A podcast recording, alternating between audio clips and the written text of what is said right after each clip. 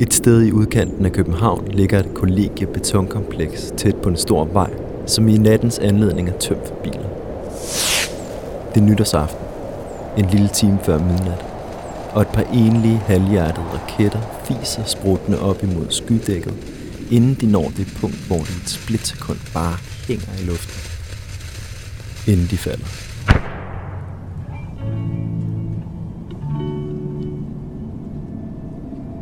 En gruppe unge mænd er tidligt ude og har allerede stillet op med plastikbord, bil med brus og et par batterier, som skal fyres af i det øjeblik året render ud. En af dem står lidt for sig selv. Han hedder Adam, og han føler sig i dette øjeblik, som man ofte gør, næsten usynlig. På tredje sal er der gang i en anden fest, og i vinduet står en ung kvinde med fire og ser ned på ham. Hun hedder Morgan. I baggrunden danser resten af selskabet. De to føler sig lige nu helt alene, selvom der er mennesker omkring dem. Morgan er virkelig, og den historie, vi skal høre nu, tager udgangspunkt i hendes tekster om at leve med ensomhed. Adams historie er derimod fiktiv. Afsnittet, du skal til at høre, er en række fragmenterede øjeblikke af ensomhed, oplevet af Morgan og Adam. Og inden vi er færdige, vil de to have mødt hinanden.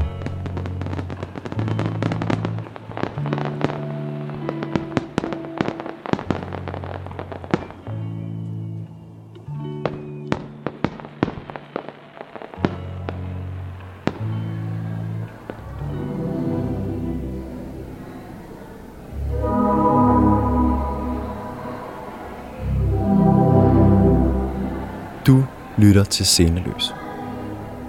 Teatret Mongo Park har sat en dramatiker og en gruppe dokumentarister sammen for at eksperimentere med mødet mellem virkelighed og fiktion i en serie på seks afsnit med fem vidt forskellige historier. Det her afsnit hedder 1 plus 1 Lad os komme ned på gaden igen til Adam. Han ser altid sig selv udefra.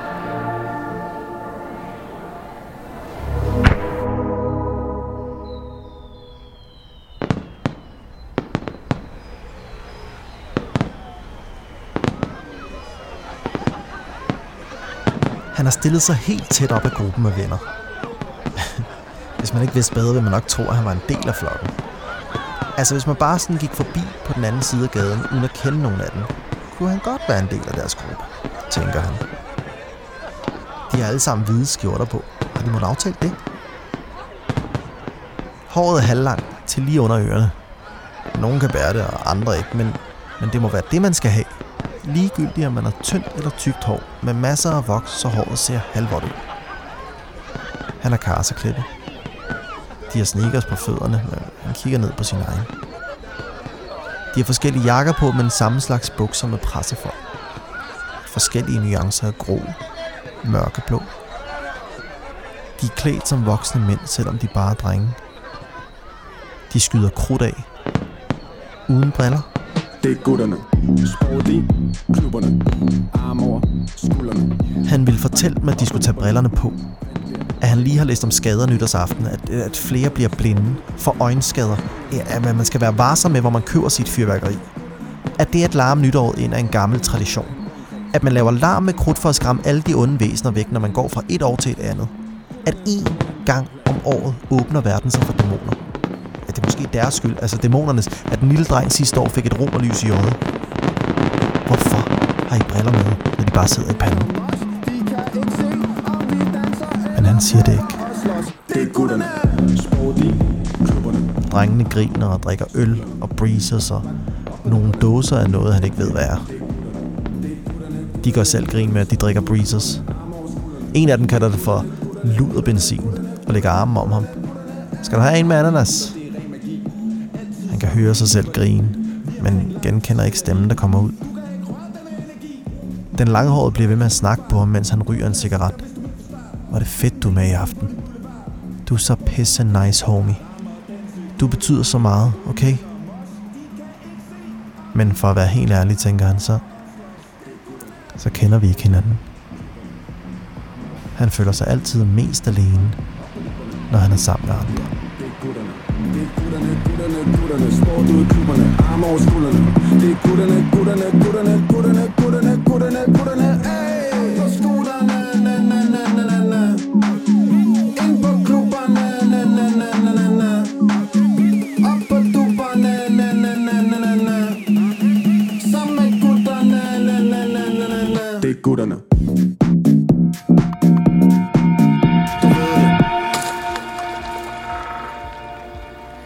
På tredje sal hos Morgan er nytårsfesten stadig i gang. Da vi var en gruppe ude og få en cigaret ved trapperne, havde Silke løftet op i sin bluse. Små, fine bryster. Hun havde grinet. Jeg er ikke helt klar over, hvordan vi endte der, men jeg havde været ret imponeret over hendes kropslige frihed. Og da vi nu står på et lille stykke i kollegekøkkenet, der er lavet om til dansegulv, holder jeg hende om livet.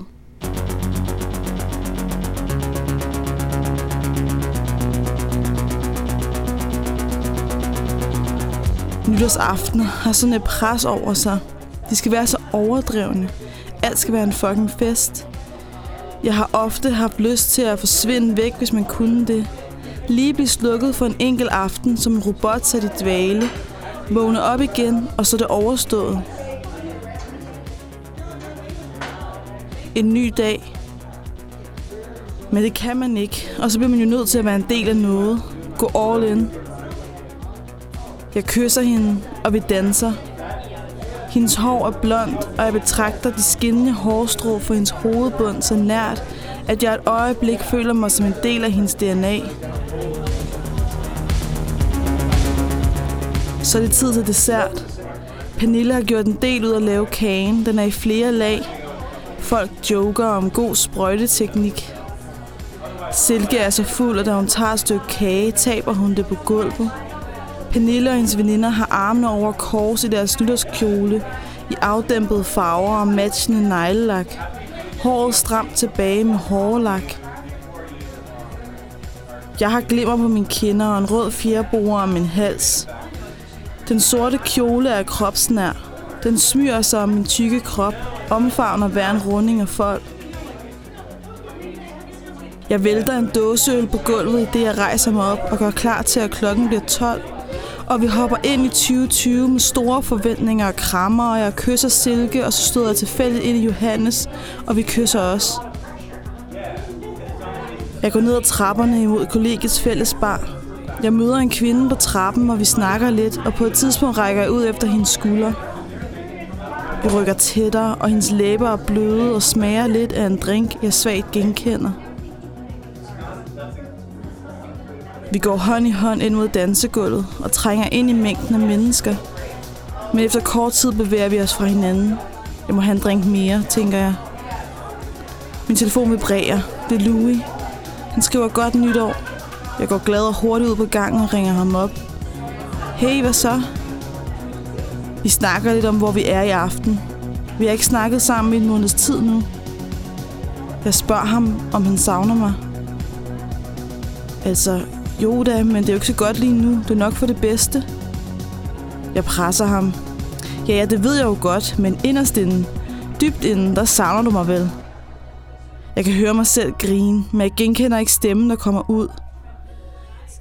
Han siger, at han holder af mig. Men jeg må gå nu. Vi skal ud og kigge på fyrværkeri. Det var hyggeligt at snakke med dig, siger han.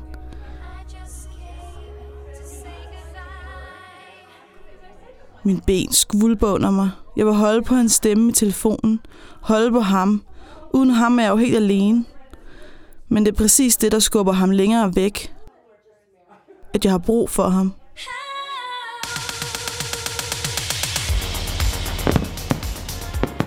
Han lægger på. Jeg forestiller mig, at jeg kaster min telefon ud igennem ruden. Men jeg vender om og tilbage i baren. Køber en drink. Danser med en meget høj fyr, som jeg kysser kort med.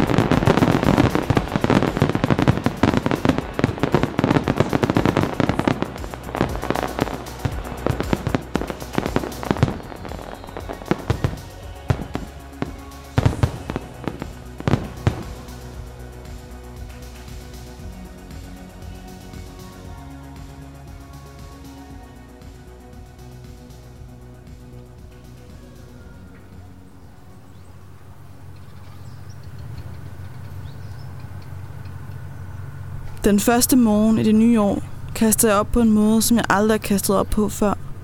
Der er øjeblikke, hvor jeg kan få vejret.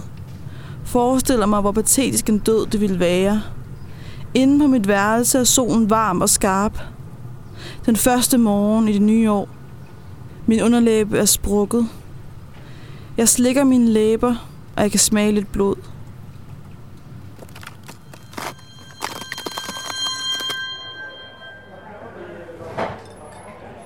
Par dage efter sidder Adam på en café med en barndomsveninde. De drikker gin. Og som han altid gør, når han er ensom, ser Adam sig selv udefra. Som om han ser sit liv på en skærm. Hun snakker om at tjekke sine privilegier og en eller anden epidemi i West Virginia. Han tænker på, hvor privilegieblind hun egentlig selv er. Hun er frustreret over sin uddannelse. Snakker om universitetet som et gammelt job, selvom hun kun er på andet semester. De akademiske ord lyder stadig fremmede i hendes mund, som talte hun med et stort bolche i munden. Er du glad? Han vil svare, men, men hun fortsætter. Har du besluttet dig for, hvad du vil? Med hvad? Livet. Hun siger det, som sagde hun det for sjov. Livet. Som en joke, men, men, men i hans ører lyder det alvorligt. Som om han lige nu og her skal vælge, hvad resten af hans liv kommer til at handle om. Han var på uddannelsesmæssig sidste uge. Han tog en brochure med hjem fra flyvevåbnet. Ikke? Han hører sig selv sige noget med forsvarets tre værn. Hun nikker begejstret. Hun vil sikkert nyde at kende en i forsvaret.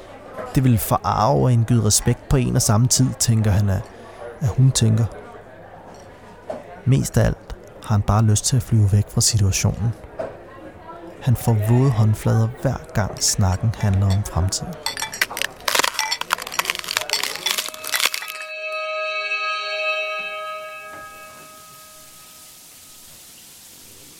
Jeg kigger ned på min lov, der breder sig ud over træbænken i omklædningsrummet. Min venindes overkrop er dækket af den åbne skabslåge. Jeg har et håndklæde halvt rundt om min krop, og jeg piller ved en tråd i håndklædekanten. Hun snakker om en Tinder-date, hun var på. En fyr, hun har set nogle gange. Hun tager en bøtte med creme ud af skabet og sætter sig ned ved siden af mig. Hun begynder at smøre sin arme, sin mave og sine ben ind. Hun er frustreret over Instagram, eller mere specifikt alle de andre på Instagram. Hun gør meget ud af at like de andres opslag, men føler slet ikke i samme grad, at det kommer tilbage. Hun får ret få likes eller kommentarer. Det kunne folk da godt lige gøre. Bare lige vise et støtte. Jeg nikker, men egentlig gad jeg godt at være ligeglad med likes. Min veninde kigger på mig. Jeg vil egentlig gerne tale med dig om noget.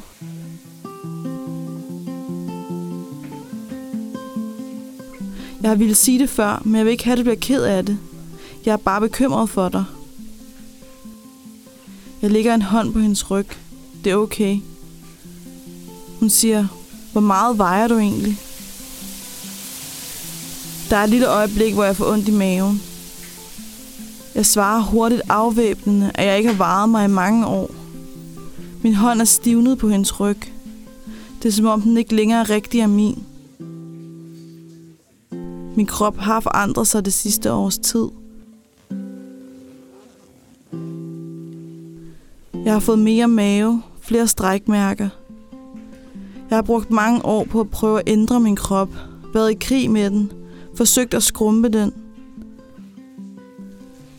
Nu er jeg lige begyndt at acceptere den, som den så ud, og så har den forandret sig igen. Jeg føler en stor sorg over, at min krop og mit hoved på den måde sjældent følges ad.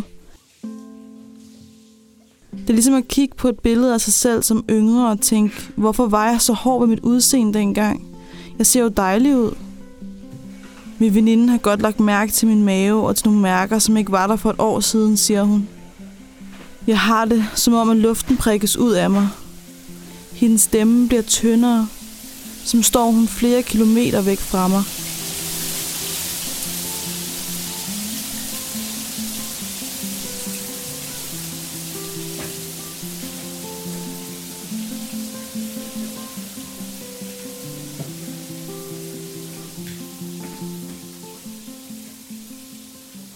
Hvorpå jeg ved, at jeg trænger til at mærke en andens hud, at når selv et varmt brusebad kan give mig kuldegysninger. Strålen, der rammer ryggen. Jeg er en ø.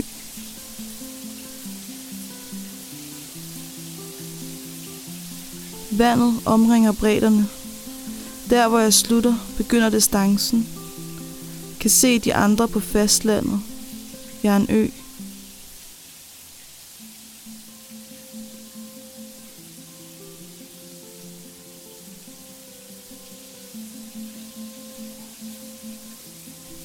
Selvom jeg ved, at vi alle er forbundne, igennem den luft, vi ind- og udånder. Jeg er en ø.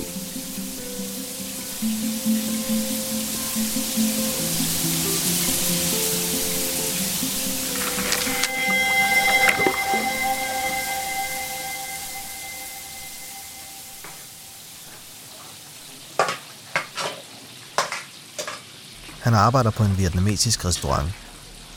De har både danske retter som boller i kari og pariserbøf, og sydvietnamesiske retter som kanchur, chua, en sur sød suppe med tamarin, ananas og fisk. I sin tid havde de kun vietnamesisk mad. Problemet er, at de ligger placeret lige ved siden af et værtshus, og de fulde gæster vil helst have hakket kød efter de har drukket. Ejeren har været nødt til at bukke under for presset for at få det til at løbe rundt. Det er synd, synes han. De har både bobia og banseo. Det smager meget bedre. Han har arbejdet her siden 9. klasse, og ejerne føles som familie. Nogle gange til fester, når folk sådan spørger, hvor han er vokset op, kan han godt finde på at sige, jeg er delvis vokset op på en vietnamesisk restaurant. Han har været så glad for det, at han i perioder har tænkt på, om han skulle videreuddanne sig som kok. Han var i skolepraktik i sin tid på hotel- og restaurantskolen. De havde et forløb lige efter han var startet med at arbejde på den vietnamesiske. Andre gange føles restaurantjobbet meningsløst. Når en eller anden kunde flipper ud, eller når de er på personalmøder diskuterer toiletpapirskvalitet, ja, så virker pusset vinglas og klistret kokosris helt og aldeles ligegyldigt set i kontekst af en brændende verden.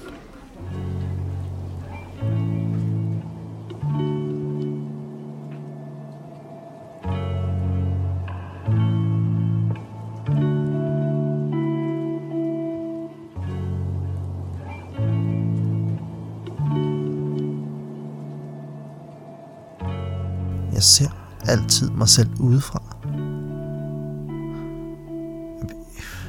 Jeg kan bruge hele netter på at lade mig indfange af internettets smutvejer, hemmelige kroge og snoede stiger, og efterfølgende føler jeg mig altid magtesløs.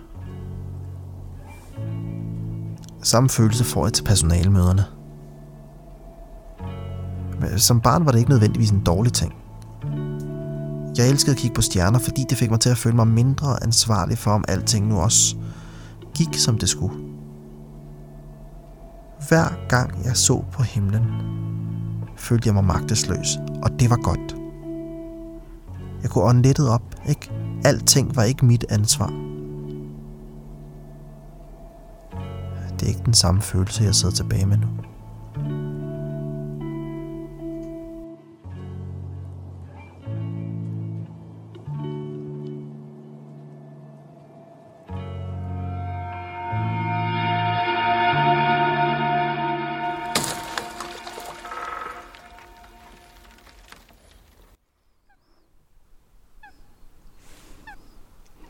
Solen er ved at gå ned, og de første blege stjerner reflekterer i skovsøens vandspejl. Det ligner lidt, der står en derovre. Jeg synes, jeg kan genkende ham lidt.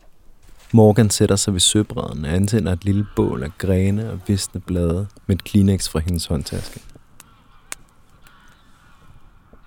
Røgen fra bålet blander sig et kort øjeblik med hendes øjne, og selvom hun er helt alene ude i skoven, føler hun sig alligevel forbundet.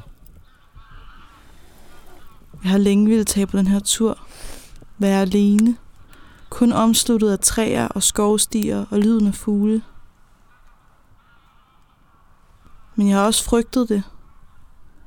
Når man er alene, er det kun dine egne tanker, du skal forholde dig til. Der er intet til at distrahere dig fra svære følelser. Jeg rejser mig, og jeg går ned mod søen. Det blanke, sorte vand genspejler himlen. Jeg har en tekst i lommen. Jeg tager den op. Jeg kan knap ane ordene på papiret. Det er ved at blive mørkt. Jeg får lyst til at råbe. Det er kun mig og søen nu.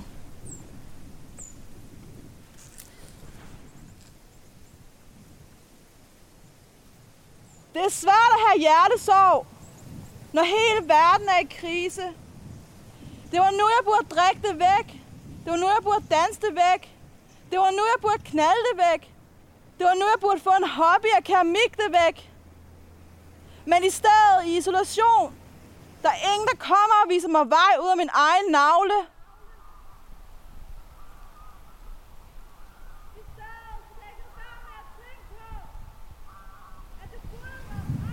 Os, der flygtede i sommerhus, lå i ske og overlevede af hinandens varme hud og gåture og mad og sex, skænderier. I stedet er du der med hende der. Hende, der rummer og forstår. Ikke er så krævende. Hun er easy going. Hun er stabilt.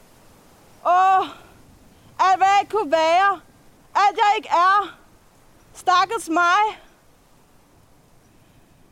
Nogle af mine veninder, de nåede at få en fløjt i krisen. Det er nu, der skal holdes fast. Det er ikke et spørgsmål om at nøjes med det, man kan få. Der er lange udsigter til en kold øl på bar. Eller en kold kaffe rundt om søen med Tinders finest. Så vi gider ikke engang analysere deres beskeder mere. Det er ligegyldigt. Andres hud er i høj kurs. Siger vi over en ujævn videosamtale. Imens sluger min ensomhed og tænker, at det er en pæn lortet tid at have udtrykt tilknytningsmønster i.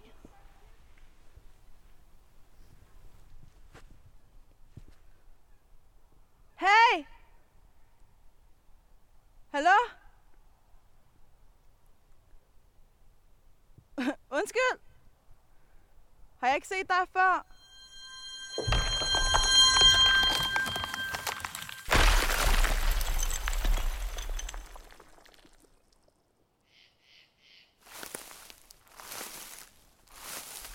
Selvom foråret officielt er skudt i gang, er marts natten kold som en vintermåned. Han kan se sin ånde foran sig hver gang han trækker vejret, som pustede han røg ud. Og følte sig i et kort, opløftet øjeblik som en drage i dunjakke. Især da han står og kigger ned over bakken. Frosten hænger i de afklædte træer, der indrammer højen og månen er næsten fuld og spejler sig i det blanke, sorte vand. Selvom vinterdisen ligger som en hinde over skoven på den ene side og boligblokken på den anden, er det nemt at se skråningen. Skråningen med græs virker endnu mere tom, fordi, ja, fordi den plejer at være fyldt med mennesker i badeshorts om sommeren. Nu ligner den mere en klippevæg. Eller Møns Klint. Han bevæger sig langsomt ned ad den, diagonalt, hen imod vandet. Badebroen og vakkelvogn. Træet giver sig, da han træder ud på den. Søen er på sit dybeste sted 37 meter. Der har han googlet på forhånd og badebroen så lang, at man næsten når helt derud til det dybe, hvis man følger den til enden. Natten ligger på begge sider, imens han bevæger sig længere og længere ud. Han stopper op og sikrer sig, at der ingen er. Han har følelsen af, at nogen lytter med. Men så igen. Sådan har han det altid. Selv når han sidder alene på værelset.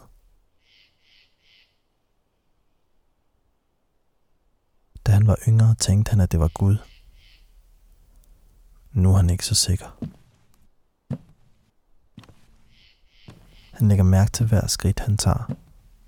Længere og længere ud. Lægger mærke til den ene fod foran den anden. Skridt for skridt. Højre foran venstre.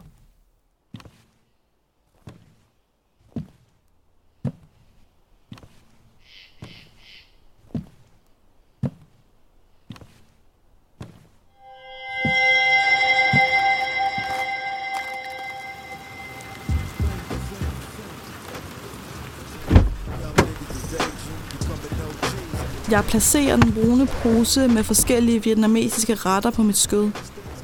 Den føles varm mod min lår. Jeg smækker bildøren helt i og tager min sele hen over min krop, og med et klik er jeg spændt fast. Min bror sætter bilen i gang, og vi kører igennem gaderne, der virker ret tomme for en fredag aften at være. Det er længe siden, vi har været alene sammen, vi snakker kort om, hvordan det går. Det sædvanlige. Skraber lige overfladen. Tager temperaturen. Vi hører Dr. Dre. Det er snart vores fødselsdag, så jeg spørger ham, hvordan han tænker, vi skal fejre det. Vi plejer at holde en fælles brunch for hele familien. Og hvorfor ændre på traditioner, der virker, siger han og griner. Der er en halv time imellem vores fødsel men alligevel er der verdener imellem os. Vi har forskellige interesser, værdier og hvordan vi lever vores liv. Han har fast job, egen lejlighed og bil. Jeg studerer, laver kunst og bor midlertidigt. Han er høj og trænet. Jeg er lav og tyk. Men vi har ofte fået at vide, at vi har det samme træk i ansigtet. At man godt kan se, at vi er tvillinger. Især omkring øjnene. Ofte er vi så forskellige, at vi næsten ikke kunne bruge tid sammen. Men når vi mødes, når vi har mødtes, har det været over vores humor, memes og videospil. Vi drejer ved lyskrydset. Jeg synes, vi har et rart øjeblik, og jeg får en følelse af at kunne dele alt med ham. At vi måske kan begynde at dele vores følelser med hinanden, blive tættere. Der er noget, jeg gerne vil fortælle dig om, min bror kigger kort på mig og vender tilbage til vejen.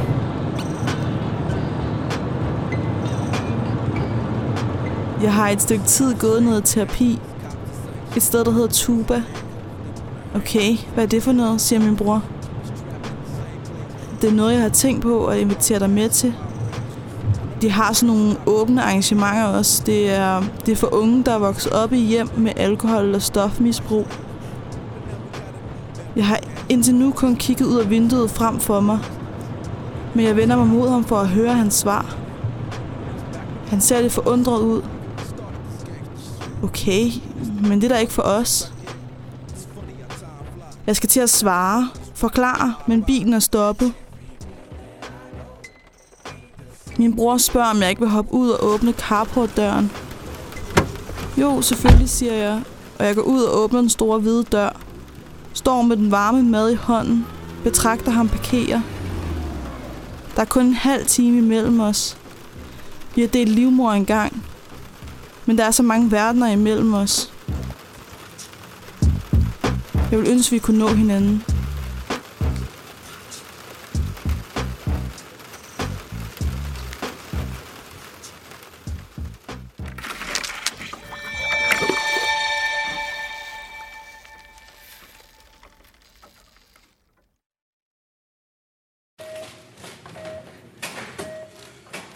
Besluttet sig for at stjæle noget. Ikke noget dyrt eller af særlig værdi. Han har ingen intention om at havne i detention. Eller være, at, at, at, det, at det bliver opdaget af de andre kunder. Det er mere en slags... Øhm, altså et eksperiment. Ja. Eksperiment. Hvor usynlig er han? Altså, vil, vil nogen lægge mærke til det, hvis han tog noget?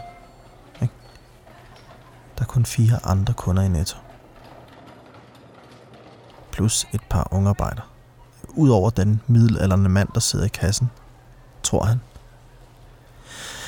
Han kan i hvert fald ikke få øje på flere. De to ungearbejder, han kan se, er travlt optaget af henholdsvis at stable skænke i køleskabet for styr på spotvarerne. Han går lidt frem og tilbage. Er i tvivl om, at han også skal købe noget. Og om det vil virke mere eller mindre suspekt at købe noget, samtidig med at han tager noget. Hans hjerte banker. Han kigger en ekstra gang og får ikke øjenkontakt med nogen. Han rækker ud efter shampooen. Den er større at holde om end forventet. Jeg er for stor til en af lommen. Pis. Han beslutter sig for ikke at købe noget andet. Det, det vil... Nej, ja, det, det vil virke suspekt at holde en shampoo under jakken med den ene hånd og betale for noget tyk gummi med den anden. Han begynder at gå ud mod udgangen. Det, det er ikke for sent at betale for den. Så, så begynder han at gå hurtigere. Og han ved ikke, hvorfor det sker. Det sker bare helt automatisk. Kvinden foran ham kigger op. Han går forbi hende med ryggen til. Hey! Det er den ene unge arbejder. Hey! Han er næsten henne ved døren og vender sig ikke om. Hey! Hey, siger jeg til dig. Hvad laver du? Hey, stop lige ham der.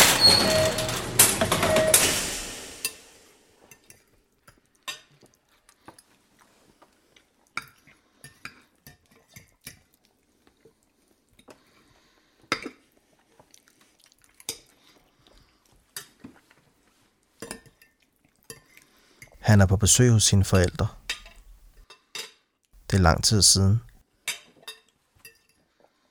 De spiser aftensmad. Kylling og salat. Han har lyst til at fortælle dem om episoden i Netto. Han er interesseret i, hvordan de vil reagere.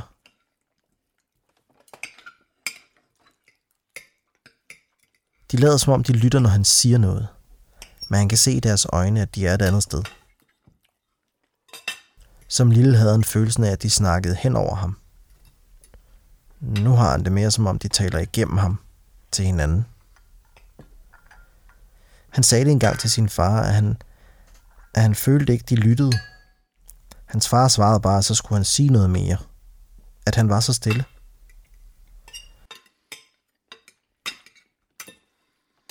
Det har sat sig i ham som en tvangstanke. Han hader stilhed.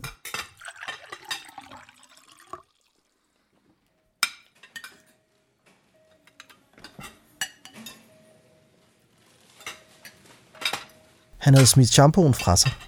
Hey! Smidt den hen imod kassen og taget spurten. Ungearbejderen løb efter ham.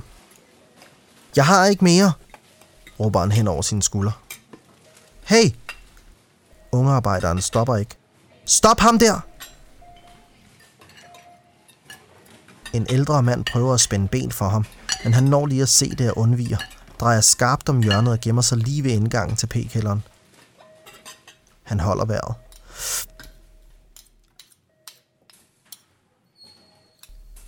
Han står sådan i lang tid. Han tør ikke kigge ud for at se, om ungarbejderen stadig står der.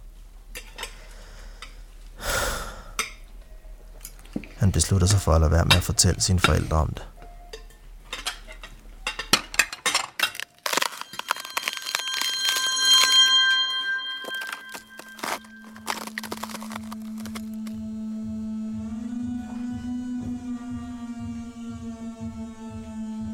Når man står på en scene, kan man sige alt. Man kan være den, man er, eller vil være.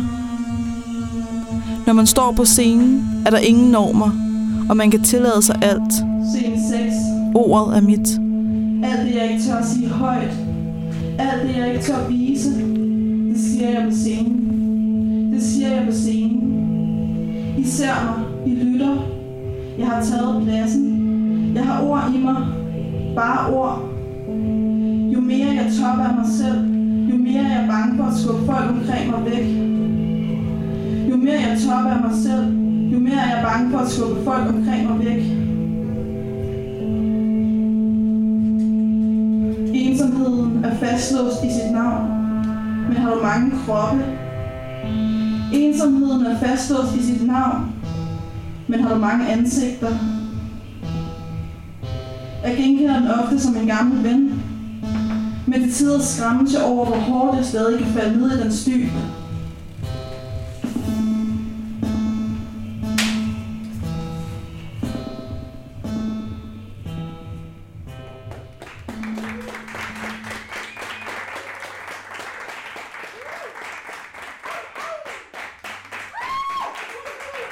Pludselig slukker lyset på scenen, Lyden er en røgmaskine. Du kan sikkert lugte det for dig. Sådan en røgmaskine. Skarpt og sødt.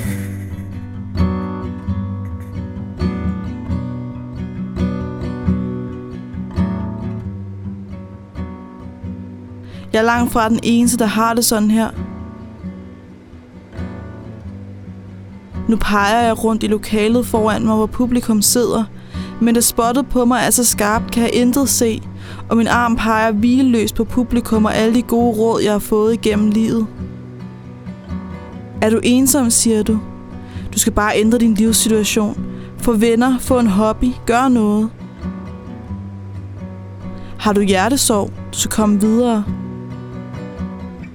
Jeg vender mig mod døren og tager fat om håndtaget.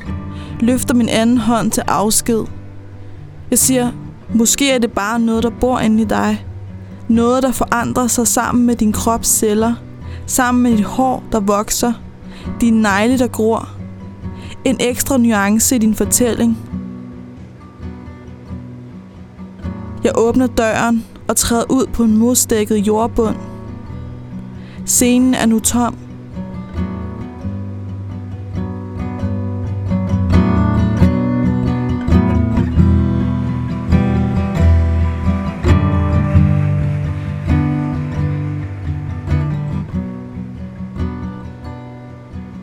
Først klapper publikum, men efter lidt tids klappen bliver stemningen mere forvirret. Kommer hun tilbage? Kommer der en anden og fortæller os, om stykket er slut? Enkelte publikummer rejser sig op og kigger rundt. Skal vi gå nu?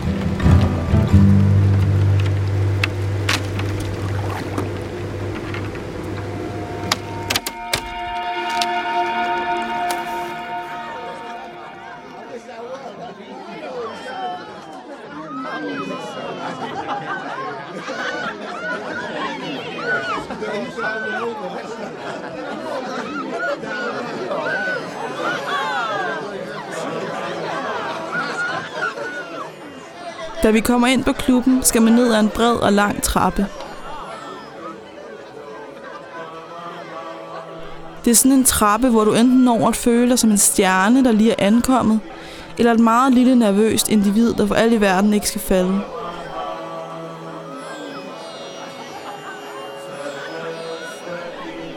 Da mine veninder og jeg løfter vores glas og skåler, føler vi en særlig indforståethed.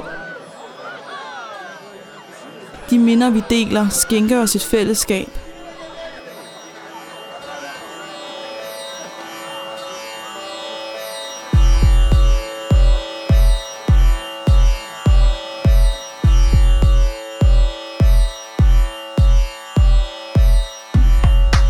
Da vi danser ind midt i en gruppe af andre mennesker, ser jeg situationen udefra. Vi hører til i et kort øjeblik. Vi kender koderne, er klædt på til konteksten. Min ene veninde filmer os, og vi danser lidt ekstra, griner lidt ekstra. Da hun tager telefonen ned, oplyser det blå skær hendes ansigt, og hun taster en masse ord, der skal indramme dette filtrerede øjeblik. Jeg kigger væk. Jeg ser en person stå i midten af en gruppe venner ved et bord længere væk. På bordet står en kæmpe skål med isterninger og flasker. De har hår ned til skuldrene, undtagen ham jeg kigger på. Selvom han står i midten af en gruppe, så ser han alene ud. Det har jeg også engang fået at vide, at jeg gjorde på en udflugt med min klasse. En enspænder ulv i forklædning. Pludselig får vi øjenkontakt. Jeg smiler, og han kigger ned. Min veninder danser med nogle andre, og lægger vist ikke mærke til, at jeg bevæger mig væk.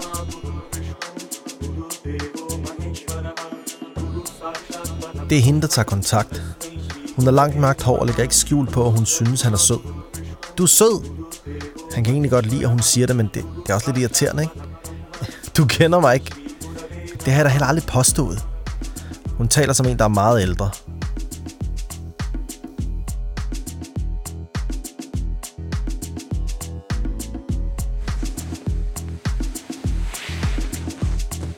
Syv år ældre finder han ud af, da de ligger i sengen. Der har han rigtig meget lyst til hende. Så meget han vil ønske, at hun ville gøre noget, der gjorde ondt på ham.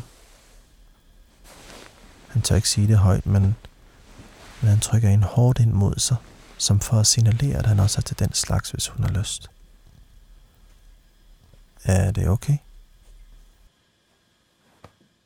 Det er mere end okay, siger hun, og griner.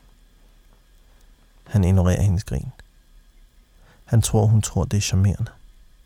Eller også er hun nervøs, men i virkeligheden gør det ham flov, at hun griner. Hun har en smuk krop, synes han. Han husker at sige det, og det virker til, at hun bliver oprigtig rørt. Det er egentlig et meget fint øjeblik. Han fokuserer på hende, lukker alt andet ude. Han har lyst til hende. Hun til ham. Efterfølgende har han lyst til at græde. Er det okay? Ja.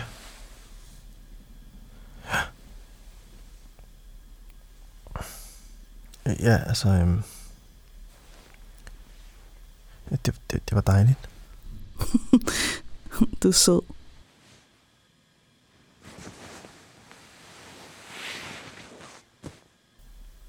Skal jeg sætte noget musik på? Nu? Ja, eller... Øhm, altså, hvis du har lyst.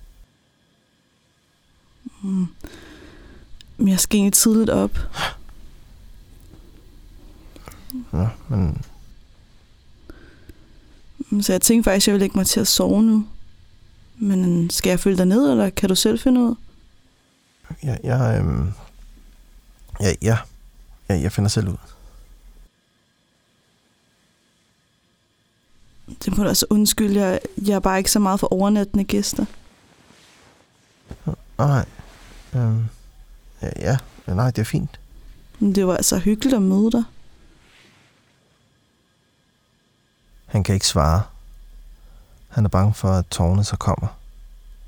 Han nikker bare og smiler. Lægger hånden på hendes bare lår som afsked. Hun tager hans hånd. I et kort øjeblik, der var vi ikke ensomme. Jeg er ikke ensom.